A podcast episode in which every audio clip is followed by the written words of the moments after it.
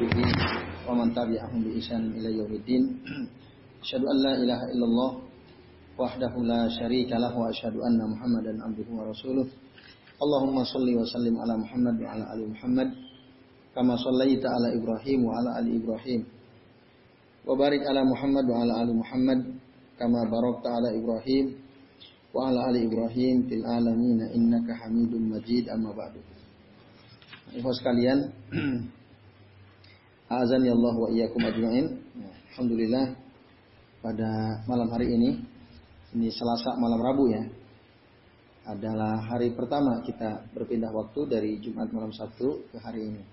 Mudah-mudahan bisa istiqomah dan tetap semangatnya sama seperti kita ngajinya di Jumat malam Sabtu. Pada pembahasan terakhir Minggu lalu kita sudah membahas prinsip yang ketiga ya. Jalan-jalan keselamatan yaitu ittiba'ul kitab wa sunnah ala fahmi salafus salih. Mengikuti Al-Quran dan sunnah berdasarkan pemahaman para ulama salafus salih.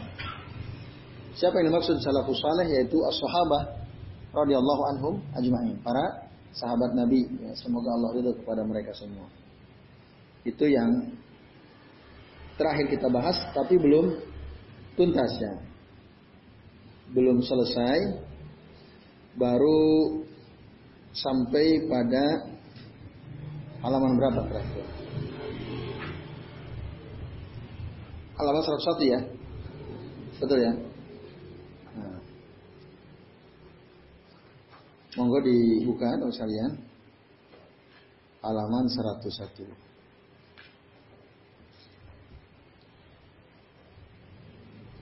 Wa man huziya biridullahi min ba'dihim tidaihi bihadihim. Jadi orang-orang yang e, selamat itu adalah orang-orang yang mengikuti petunjuk yang mendapatkan ridho Allah Subhanahu wa taala setelah mereka, mereka maksud adalah para sahabat dan mengikuti petunjuk mereka, petunjuk para sahabat. Kenapa? Mengikuti sahabat itu penting karena sahabat adalah orang-orang yang jelas telah diridhoi atau mendapat ridho dari Allah Subhanahu wa taala berdasarkan surah At-Taubah ayat 100. As-sabiquna al-awwaluna minal muhajirin wal ansar walladzina tabauhum bi isanin radhiyallahu anhum wa radu'an. Dan orang-orang yang lalu ya, as-sabiquna al-awwalun. Orang-orang terdahulu yang lebih awal masuk Islam, lebih awal mengikuti Nabi dari kalangan muhajirin dan ansar, dan orang-orang yang mengikuti mereka, mengikuti mereka. Mereka siapa maksudnya? Al muhajirin dan ansar. Bi ihsanin dengan baik. Mengikuti mereka dengan baik. Artinya tidak nambah-nambahi, tidak ngurang-ngurangi radhiyallahu anhum wa Maka Allah Allah ridho kepada mereka para sahabat itu dan Allah juga ridho kepada orang-orang yang mengikuti para sahabat Muhajirin dan Ansar. Dan mereka pun ridho kepada Allah.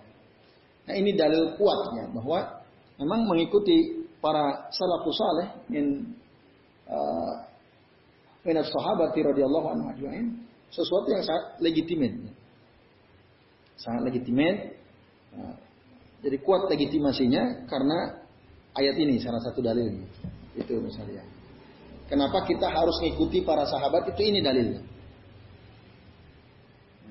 Wa qad ja'a tahdid zaman salaf alladzina la tajuju mukhalafatuhum bi ihdas uh, fahmi bi ihdasi fahmin lam yafhamuhu fi hadis Ibnu Mas'udin radhiyallahu anhu qala telah telah telah jelas ya ada batasan bahwa yang dimaksud zaman as-salaf itu dan as-salaf salaf zamani ya. Salaf itu kan ada sebagian orang mengatakan ada tiga, ada salaf zamani, ada salaf uh, manhaji, ada salaf namanya uh, ziami, salaf zi'ami.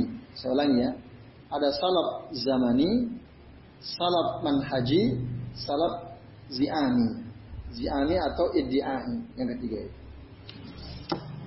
Jadi poin ini, paragraf ini dijelaskan salaf zaman. Ketika kita mendengar kata salaf, siapa sih yang dimaksud salaf itu? Salaf zaman ini artinya uh, terdahulu dalam arti batasan waktu. Maka kita tidak bisa mengklaim dari kita salaf. Karena kita hidup di waktu sekarang. Nah, lalu pertanyaannya salaf itu maksudnya kapan? Di zaman mana? Kan gitu.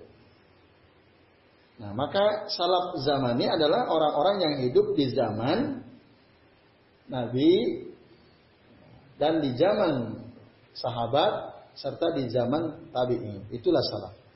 Tiga generasi awal pertama Orang yang hidup bersama dengan Nabi itu yang terbaik.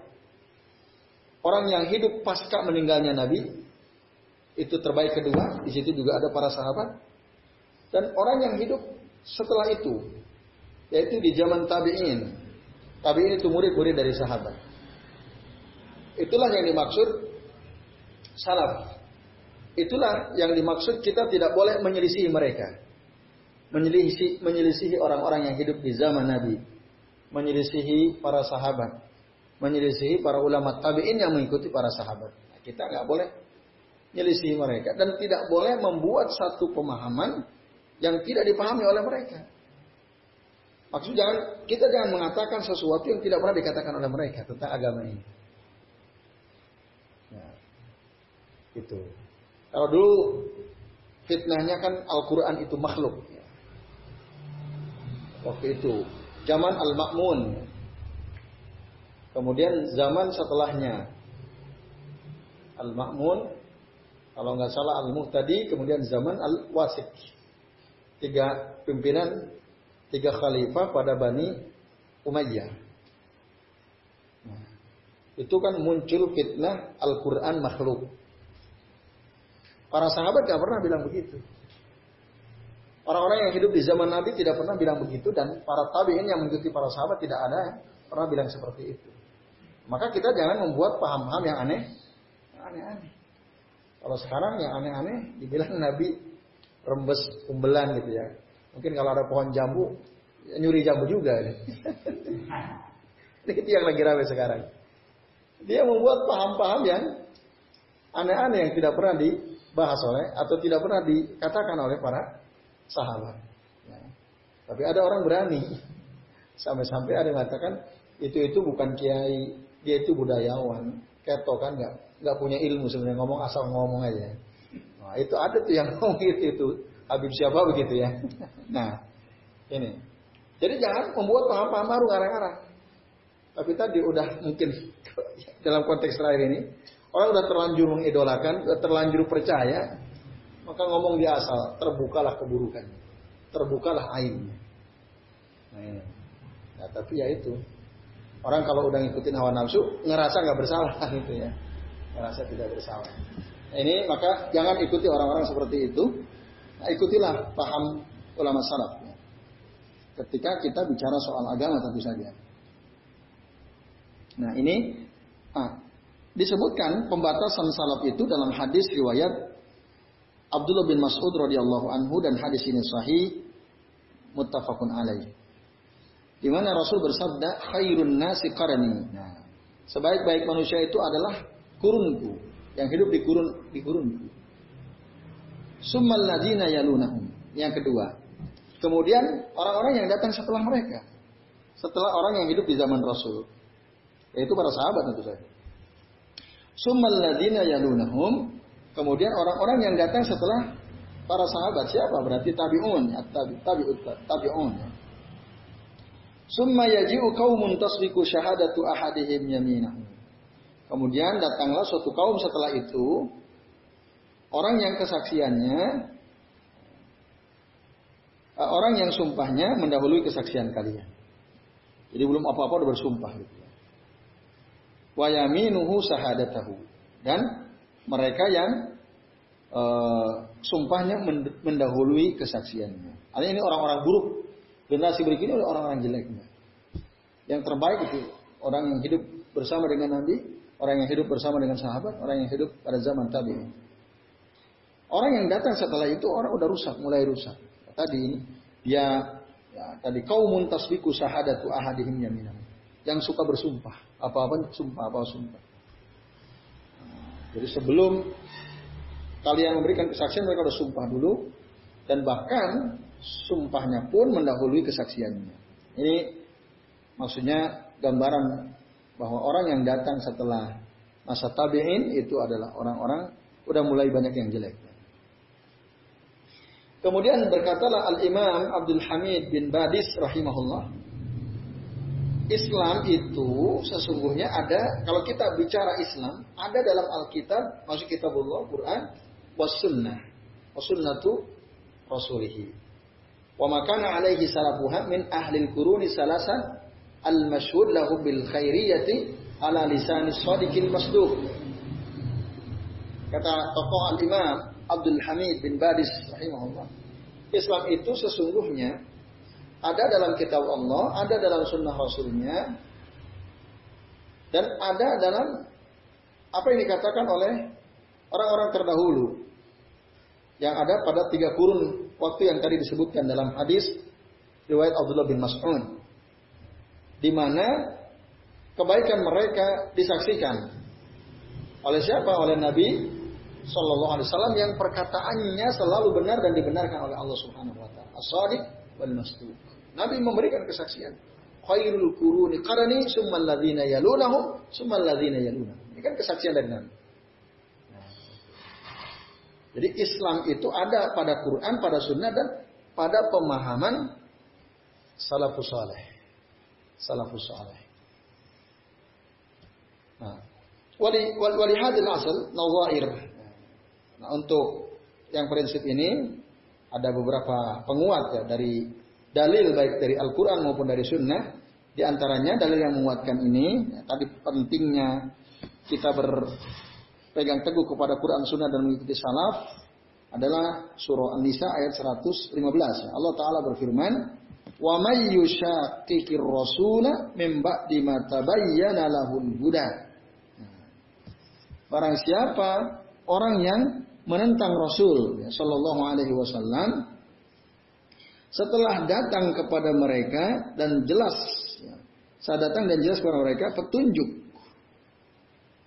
Petunjuknya satu ya. Jadi kita lihat saya ulangi ya.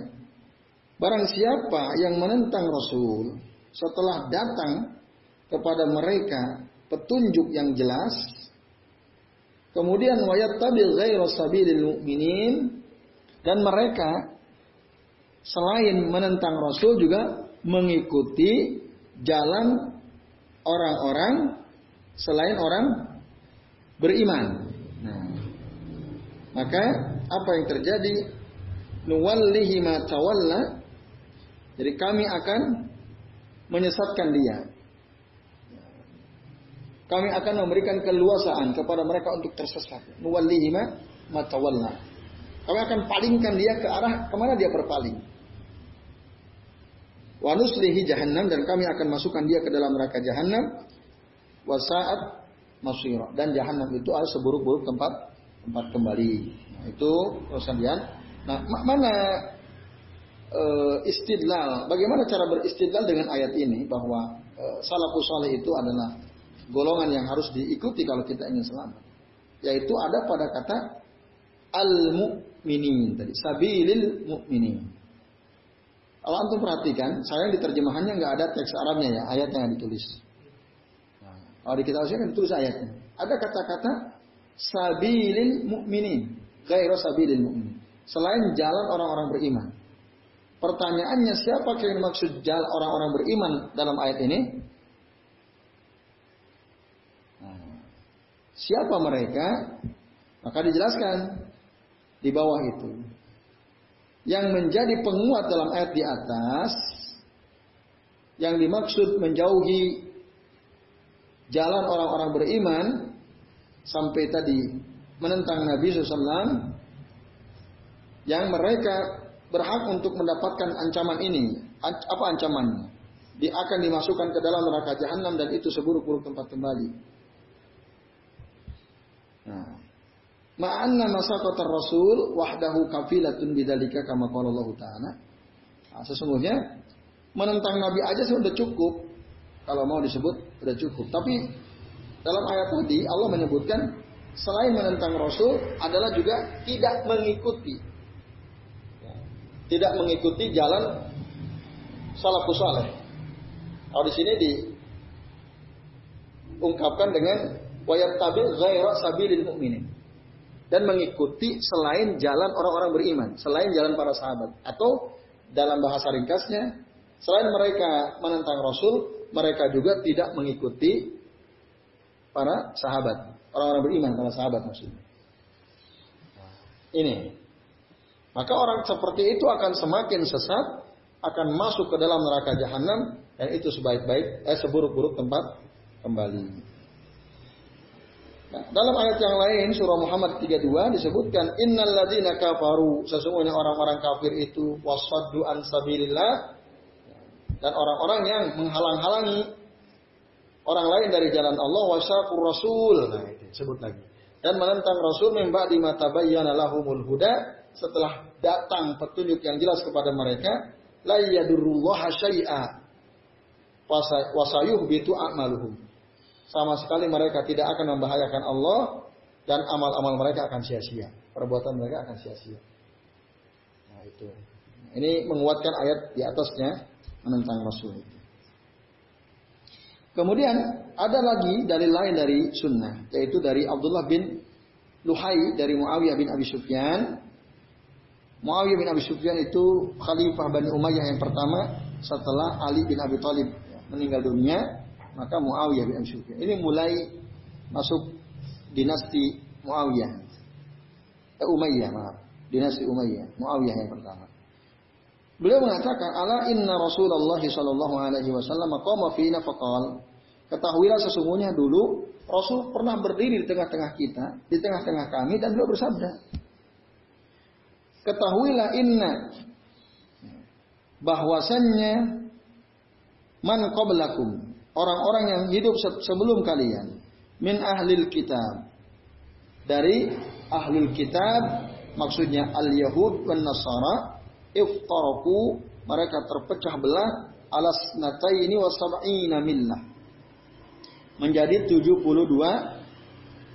golongan. Wa inna hadhil millah dan sesungguhnya agama kita ini Islam ini sataftariku ala salasin wa sab'in. Akan juga terpecah menjadi lebih banyak. 73 golongan. Sintani wasab'una finnar. 72 golongan ada di neraka. Wa wahidun fil wa wahidatun fil jannah. Wa hiyal jamaah. Yang masuk surga dari 73 golongan umat Muhammad ini yang masuk surga hanya satu golongan sedangkan selebihnya dia akan masuk ke dalam neraka. Siapakah yang akan masuk surga itu dari golongan yang disebutkan itu tadi, teman sekalian. Nah, yaitu wahyal jamaah. Itulah jamaah. Hadis rawahu Abu Daud dan ini hadis sahih. Nah, jadi apa yang menjadi penguat dalam hadis di atas tentang gambaran kelompok golongan yang an-najiyah. Najiyah itu yang apa berhasil yang selamat. Siapa? Mereka adalah orang-orang yang bil jamaah. Ikut jamaah. Jamaah itu siapa? Yang dimaksud adalah para sahabat itu tadi. Wal udul an idhafatiha ila al kitabi wa sunnah ma'a annaha la yumkinu an takhruja anhu qattun. Jadi uh, disandarkan jamaah itu kepada Alkitab dan Sunnah dan jamaah itu tidak mungkin dia keluar dari Al-Quran dan Sunnah. Nah, dengan demikian, ya, wasirru yang rahasia atau tersirat dari hadis di atas tadi maka yumkinu an eh, yumkinu fitan bihi al jamaah maka mungkin kita katakan bahwa yang dimaksud jamaah itu yang dipahami berdasarkan dua dalil tadi ya. Min nususi al-wahyain, dua dalil wahyu tadi dari Al-Qur'an dan Sunnah. Dan kamu beramal dengan keduanya berdasarkan maksud Allah dan Rasulnya, maka tidak ada yang dimaksud jamaah pada zaman itu kecuali maksudnya adalah para sahabat Rasul Shallallahu Alaihi Wasallam. Ketika Rasul bilang e, yang masuk surga hanya satu golongan, wahidatun fil jannah, wahiyal jamaah. Rasulullah al jamaah. Siapa yang dimaksud jamaah? Tidak ada makna lain kecuali mereka yang dimaksud adalah para para sahabat. Karena itulah jamaah Nabi, para sahabat. Nah itulah mereka yang menjadi kelompok An-Najiyah. Kelompok yang selamat para sahabat. Itu maksudnya sekalian. Apalagi uh, para ulama membenarkan bahwa yang dimaksud al-jamaah itu adalah para sahabat berdasarkan hadis lain riwayat Imam Hakim dan yang lainnya di mana Nabi mengatakan bahwa Al-firqa an-najiyah siapa mereka? Ma'ana alaihi wa ashabi. Ma'ana alaihi wa ashabi. Yaitu orang-orang yang berjalan di atas jalanku dan jalan para sahabatku. Disebut ashabi. Nah, itu yang dimaksud salaf ya. Salafus salih itu maksudnya para sahabat. Tuh, dalil lainnya. Kemudian sebut lagi. Ini dalil-dalil untuk menegaskan bahwa yang dimaksud salafus salih itu sahabat. Maksudnya itu. Kemudian hadis dari Al-Irbad bin Sariyah, kalau dia mengatakan, wa. Rasulullah SAW mau idatan balighatan zarafat minhal uyun wa wajidat minhal qulub. Suatu kali Rasul pernah memberikan nasihat kepada kami, nasihat yang sangat baik sekali, sampai-sampai air mata bercucuran, hati pun bergetar. Lalu kemudian ada orang bertanya, "Ya Rasulullah, seakan-akan ini adalah nasihat terakhir. Apa yang engkau pesankan kepada kami? Lalu Rasul mengatakan, aku berwasiat kepada kalian, bertakwalah kalian kepada Allah. Dengarkan dan taatlah kepada pemimpin kalian meskipun pemimpin kalian seorang budak. Ya, yang hitam Habashi itu Habasah. Ethiopia kalau sekarang di Afrika ya. Meskipun pemimpin kalian ada seorang hamba sahaya yang dari Habashi Terus Rasul mengatakan sesungguhnya barang siapa yang hidup di antara kalian setelah aku nanti kelak dia akan melihat pasaya rohtilafang kasiro. Melihat banyak sekali perselisihan. Lalu gimana kalau kita melihat perselisihan sekarang kan banyak banget. Tentang banyak hal. Perselisihan ada setiap saat di hadapan kita. Kita kita melihat. Nah, lalu Mana yang kita ikuti? Ya kasus paling hot tadi lah yang saya cerita. Kan ada orang yang membela, ada orang yang mengkritik kan. Berselisih kan? Bahkan yang membela itu sampai menyebutkan rujukan. Ada katanya dalam kitab uh, apa? Ainul uh, Nurul Basair, Nurul Basair. Yang dijelaskan dalam kitab tersebut bahwa Nabi memang matanya belekan. Katanya disebut Nurul Basair. Ini kan pembelanya tuh. Mengatakan. Jadi nggak keliru kalau ada orang bilang Nabi itu rembes rembes itu belekan bener ya? Rembes itu belekan benar. Apa rembes itu? Benar kan? Nah, nah, katanya itu ada penjelasannya dalam kitab Nurul Basair. Nah, terus Lalu dia screenshot halaman yang di situ diceritakan bahwa Rasul pernah kena penyakit mata. Nah ini usaha yang dilakukan oleh para pembela orang yang ngomong oh, tadi dalam tanda kutip seperti menganggap Nabi biasa-biasa saja. Ini. Ternyata kalau dibaca utuh justru kitab itu menjelaskan keistimewaan Rasul di masa kecil. Jadi Rasul berbeda dengan orang anak-anak kecil pada umumnya. Waktu masih kecil orang pada main-main, Rasul kan dibelek itu masih kecil. Itu ada perbedaan.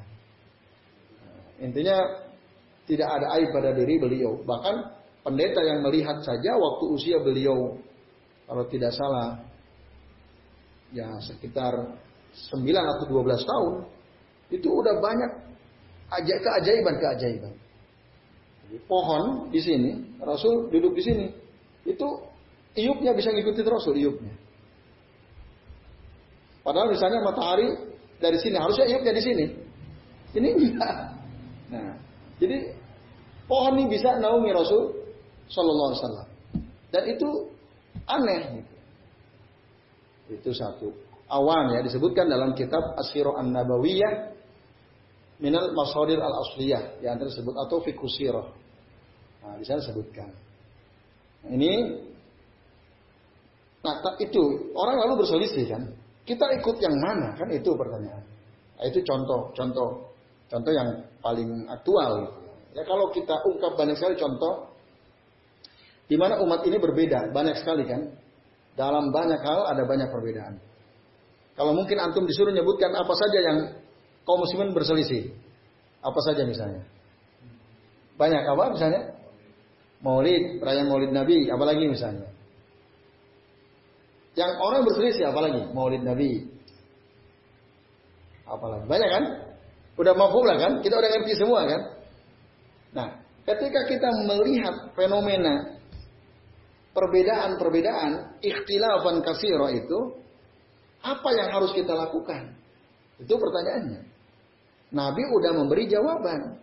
Dalam hadis Irbad bin Sariyah kata Nabi, Waman ya'is minkum ba'di fasayara ikhtilafan katsira.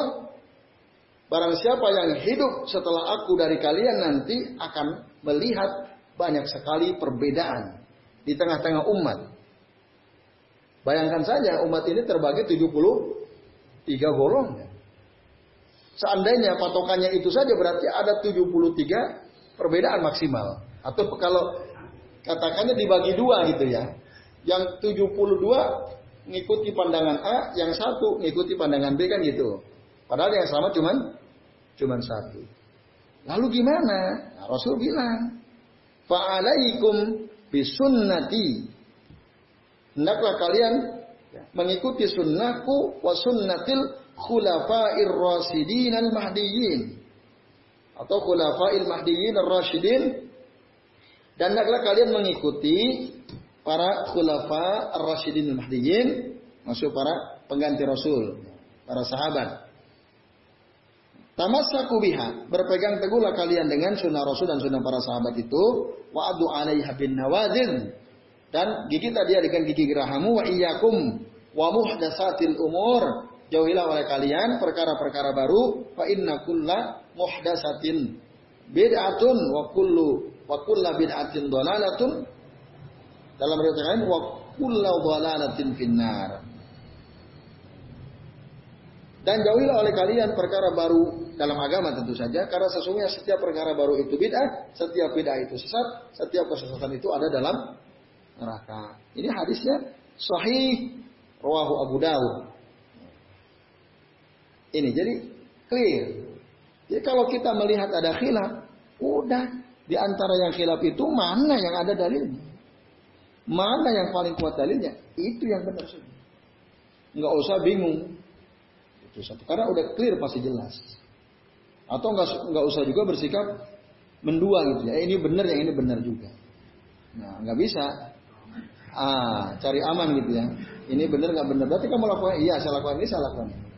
Nah, pasti ada satu yang benar, satu yang tidak benar. Walaupun pernah dulu kita bahas Ya, ikhtilaf itu ada dua itu ya. Ikhtilaf tanawu wa ikhtilaf uh, ta'arud ya. Ikhtilafu al-ikhtilaf at-tanawu'i wal ikhtilaf at-ta'arudi ada. Tapi yang dimaksud di sini al-ikhtilaf at-ta'arudi itu kontradiksi ya, perbedaan yang kontradiktif. Maka ikuti saja udah sunnah Rasul. Ya contoh lagi misalnya, kemarin udah sebut juga. Celana di atas mata kaki. Orang berselisih nggak? Ada yang bilang celana itu harus di atas mata kaki. Ada yang bilang enggak, enggak apa-apa. Nutupi mata kaki ada masalah. Kan gitu ya. Ada khilaf. Mana yang diikuti? Yang sesuai dengan sunnah Nabi. yang semua ulama sepakat tentang itu. Nah, itulah yang kita ikuti. Ini kalau kita ingin selamat begitu caranya. Nah, kemudian apa yang menjadi penguat dari hadis di atas tadi?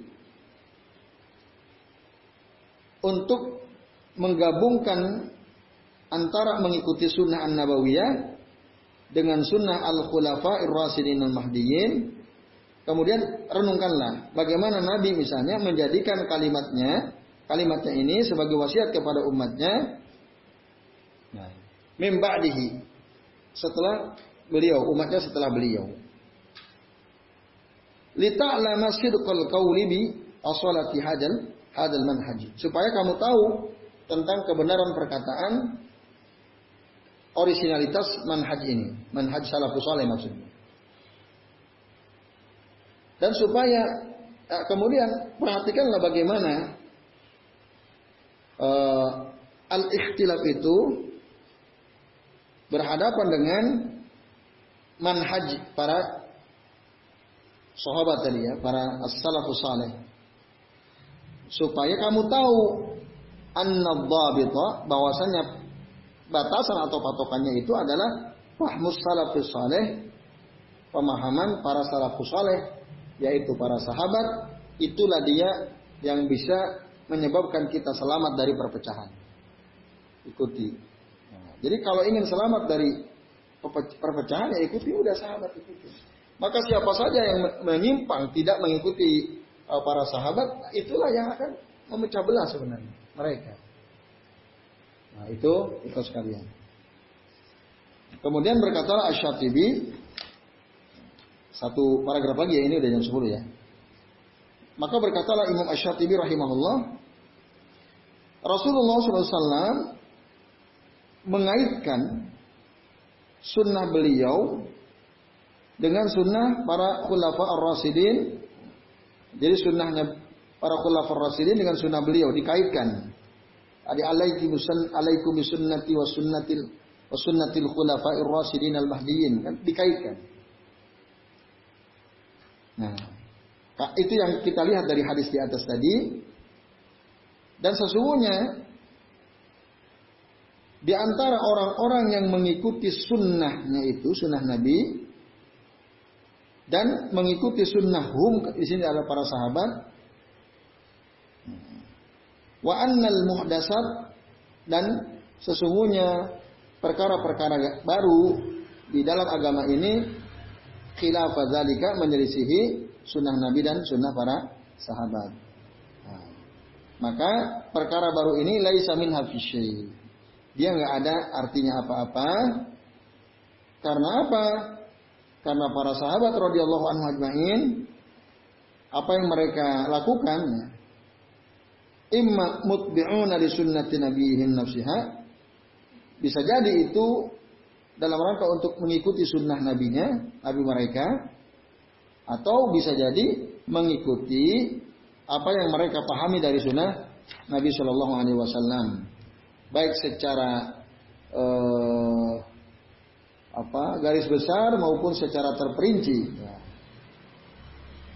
Yang mana pemahaman ini tertutup bagi yang selain mereka. Sedangkan sahabat terbuka, bisa memahami. Mungkin kita nggak bisa paham. Nah supaya kita bisa paham, maka kita lihat bagaimana paham para sahabat. Itu maksudnya. Nah, ini ikhlas kalian, azanillahu wa iyyakum ajma'in. Nah, di sinilah penting kita senantiasa mempelajari apa yang dikatakan oleh selain oleh Al-Quran dan Sunnah juga oleh sahabat-sahabat Nabi Shallallahu Alaihi Wasallam. Nah itu. Kau dikatakan waktu ja'al tu hadihin nususo minan nadhairi wal adillati ala ta'sil ma ana bisadadihi li annani wajadtu ibnu abi al-izza biha inda syarhihi qaul at-tahawi ya. wa natba'u as-sunnah wal jamaah wa najtanibus sujud wal khilaf wal furqah. Ini yang penting itu yang ada dalam dua tanda kurung itu ya. Kata saya Ramdhani, ini yang pengarang ini Abdul Malik Ramdhani, dan aku jadikan nas hadis-hadis di atas sebagai landasan dan dalil untuk memperjelas apa yang sedang saya jelaskan ini. Apa yang sedang saya bahas. Maka kata Sa'abdul Malik Ramdhani, aku melihat Abul Iz ya, atau Ibnu Abil Iz rahimahullah dia mengatakan atau mengemukakan tadi Abul Iz di mana dalam syarah beliau terhadap kitab Aqidah At-Tahawiyah apa yang diungkapkan oleh Ibnu Abil Iz ya sama tadi bahwa yang dimaksud e, jamaah atau sahabat itu adalah salafus saleh. Yang dimaksud salafus saleh itu adalah sahabat maksudnya. Di mana saya Abu Ja'far At-Tahawi mengatakan wanat ba'u sunnah wal jamaah kita ikut sunnah dan jamaah. Jamaah yang maksud adalah jamaah sahabat wa najtanibus sudud wal khilaf wal furuq dan kita menjauhi kejanggalan-kejanggalan ya, perbedaan-perbedaan dan perpecahan. Jadi kalau kita mengikuti sunnah dan jamaah sahabat itu, sesungguhnya kita sedang berusaha untuk menghindari, menjauhi kejanggalan, menjauhi khilaf perselisihan dan menjauhi kurva perpecahan. Maka perpecahan terjadi, perselisihan terjadi, kejanggalan terjadi karena omongan atau perilaku atau pandangan orang-orang yang menentang Nabi dan para sahabat tadi. Yusakikir Rasul. Itu. Seandainya orang-orang itu enggak ada, maka insya Allah tidak akan ada perpecahan. Insya Allah tidak akan ada perbedaan. Tidak ada kejanggalan. Semua akan sama. Maka Allah bilang, "Wa'tasimu bihablillahi jami'au wa la tafarraqu." Berpegang teguhlah kalian dengan agama Allah seluruhnya, jangan terpecah belah.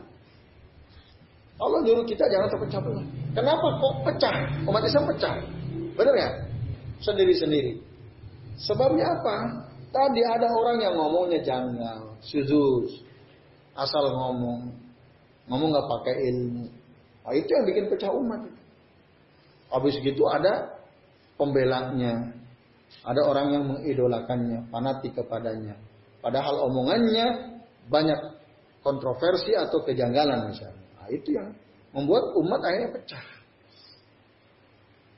Nah, itu ya terus kalian. Jadi maka jangan ngomong yang aneh-aneh deh dalam agama ini. Udah ikuti aja Quran Sunnah, ikuti para salafus saleh, para sahabat. Ketika antum ngomong aneh, pecah umat. Pecah umat. Hati-hati dengan omongan kita. Karena akan berakibat fatal. Tadi terjadi perpecahan.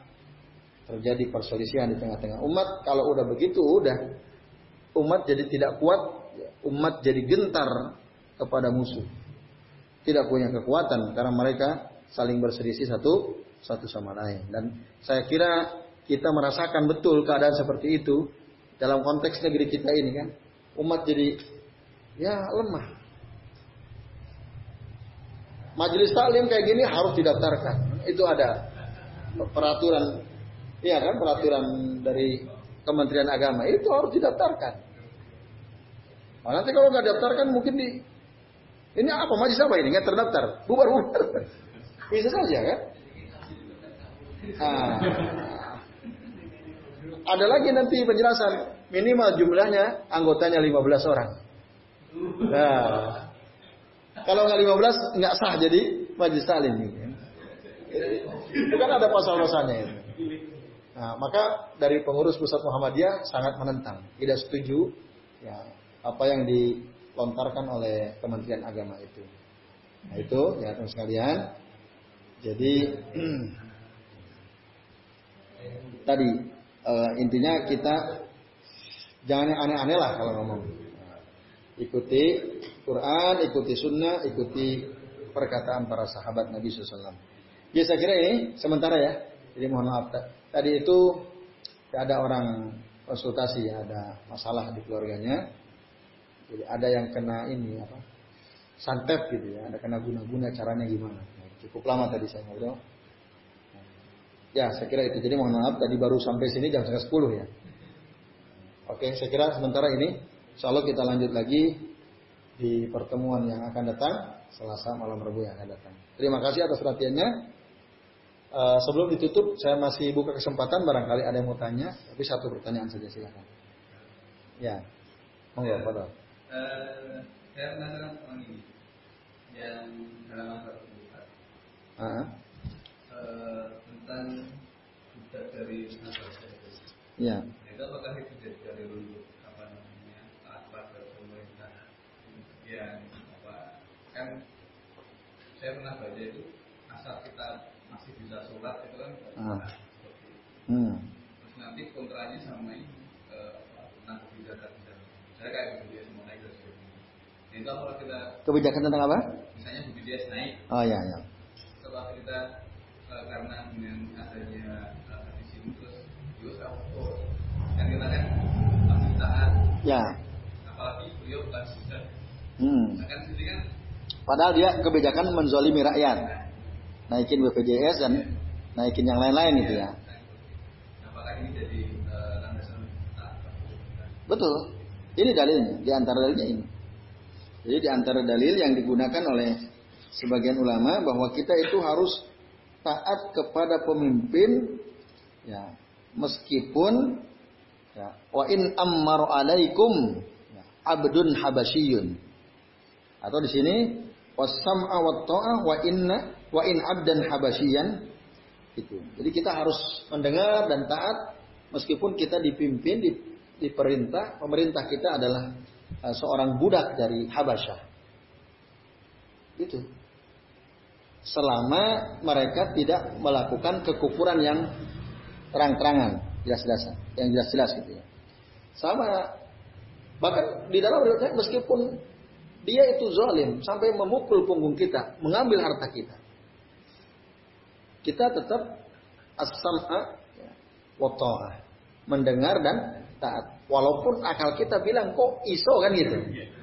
Gimana? Kayaknya kita lemah banget. Nah, di sinilah tantangannya nih kita mau ngikutin dalil atau ngikutin rasio nalar kita kan gitu. Maka sebagian kaum muslimin lebih baik kita tunduk pada dalil. Karena perintahnya dari Nabi itu. Nah kalau gitu kita dizolimi terus. Apakah pernyataan itu betul? Nah kalau gitu berarti nanti kita dizolimi terus. Kira-kira benar nggak tuh pernyataan itu? Nggak, menurut akal kita benar atau tidak?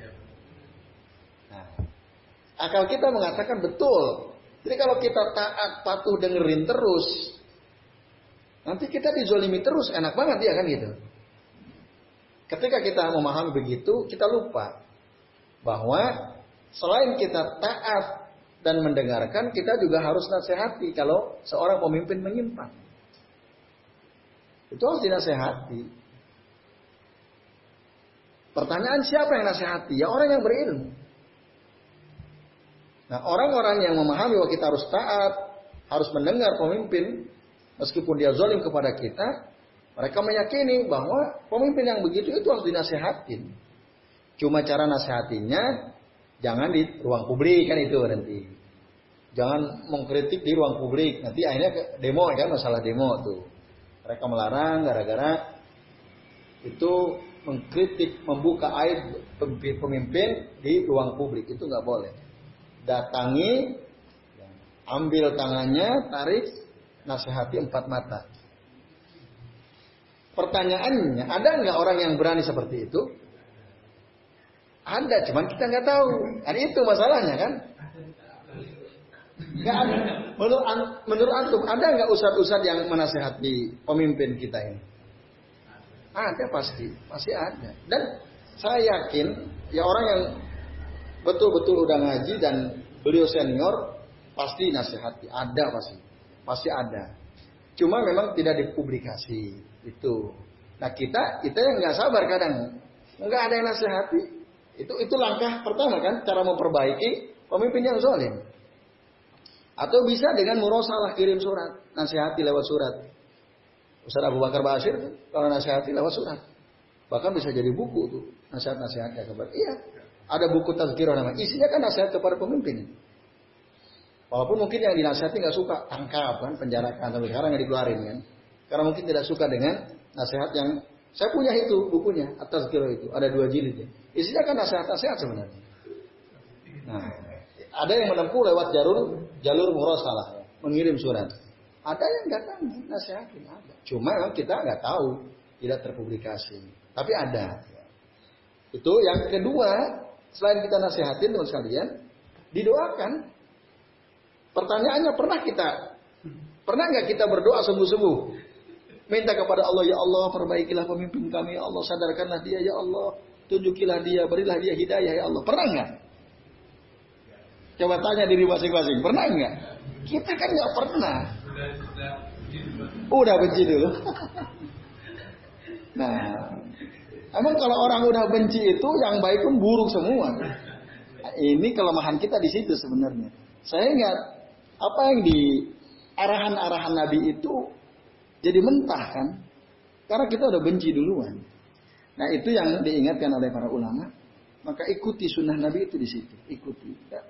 Nabi nyuruh kita mendoakan kebaikan untuk para pemimpin.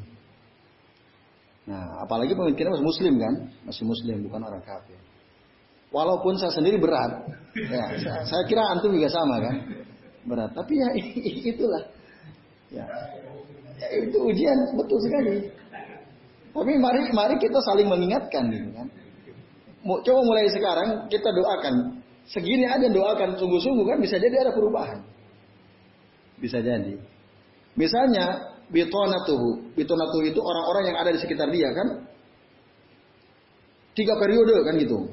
Ya kan? Minta tiga periode. Nanti dipilih, pokoknya di, diperpanjang masa jabatannya.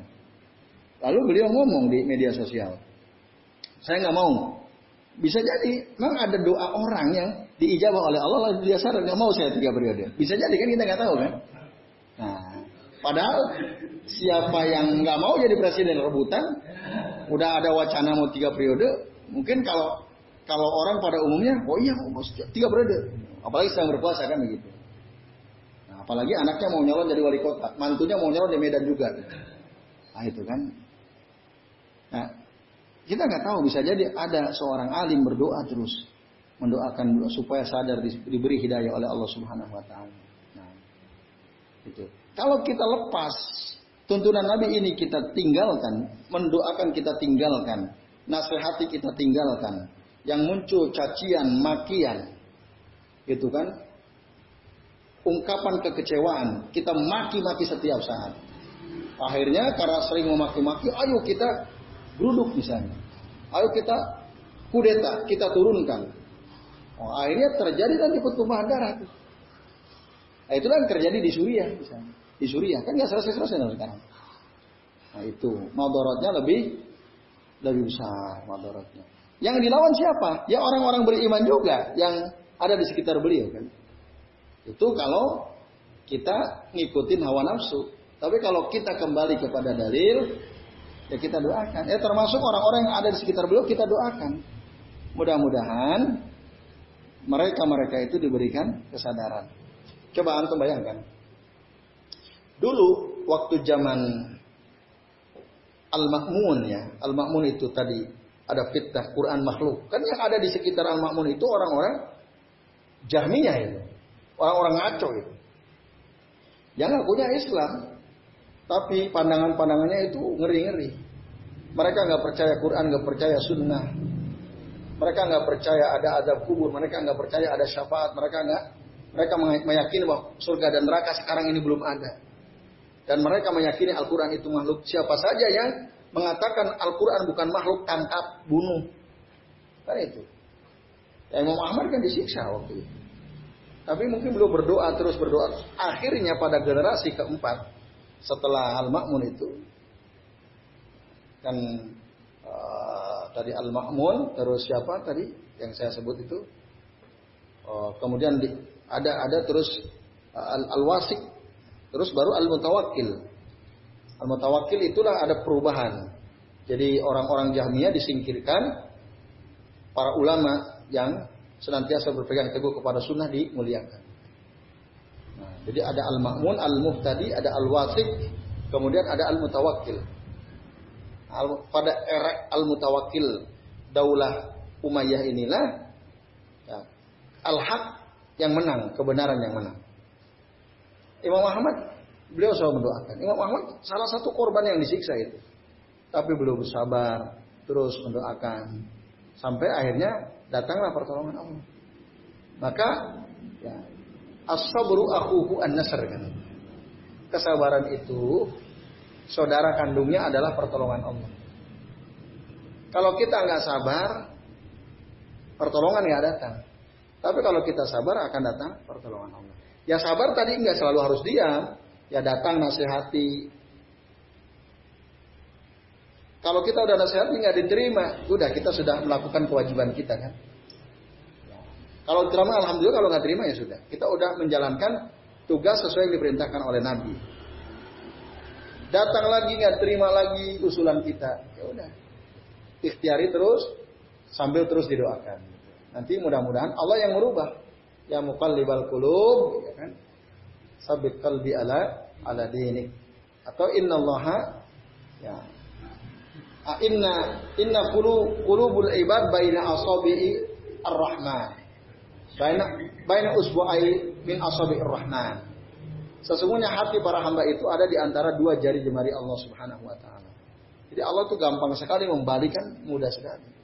Dengan kekuatan doa dari yang lain.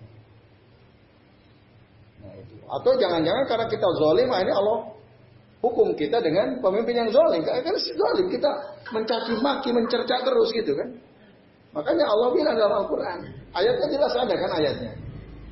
Wa kadzalika nuwalli ba'dadh zalimina ba'dan bima kanu yaksibun.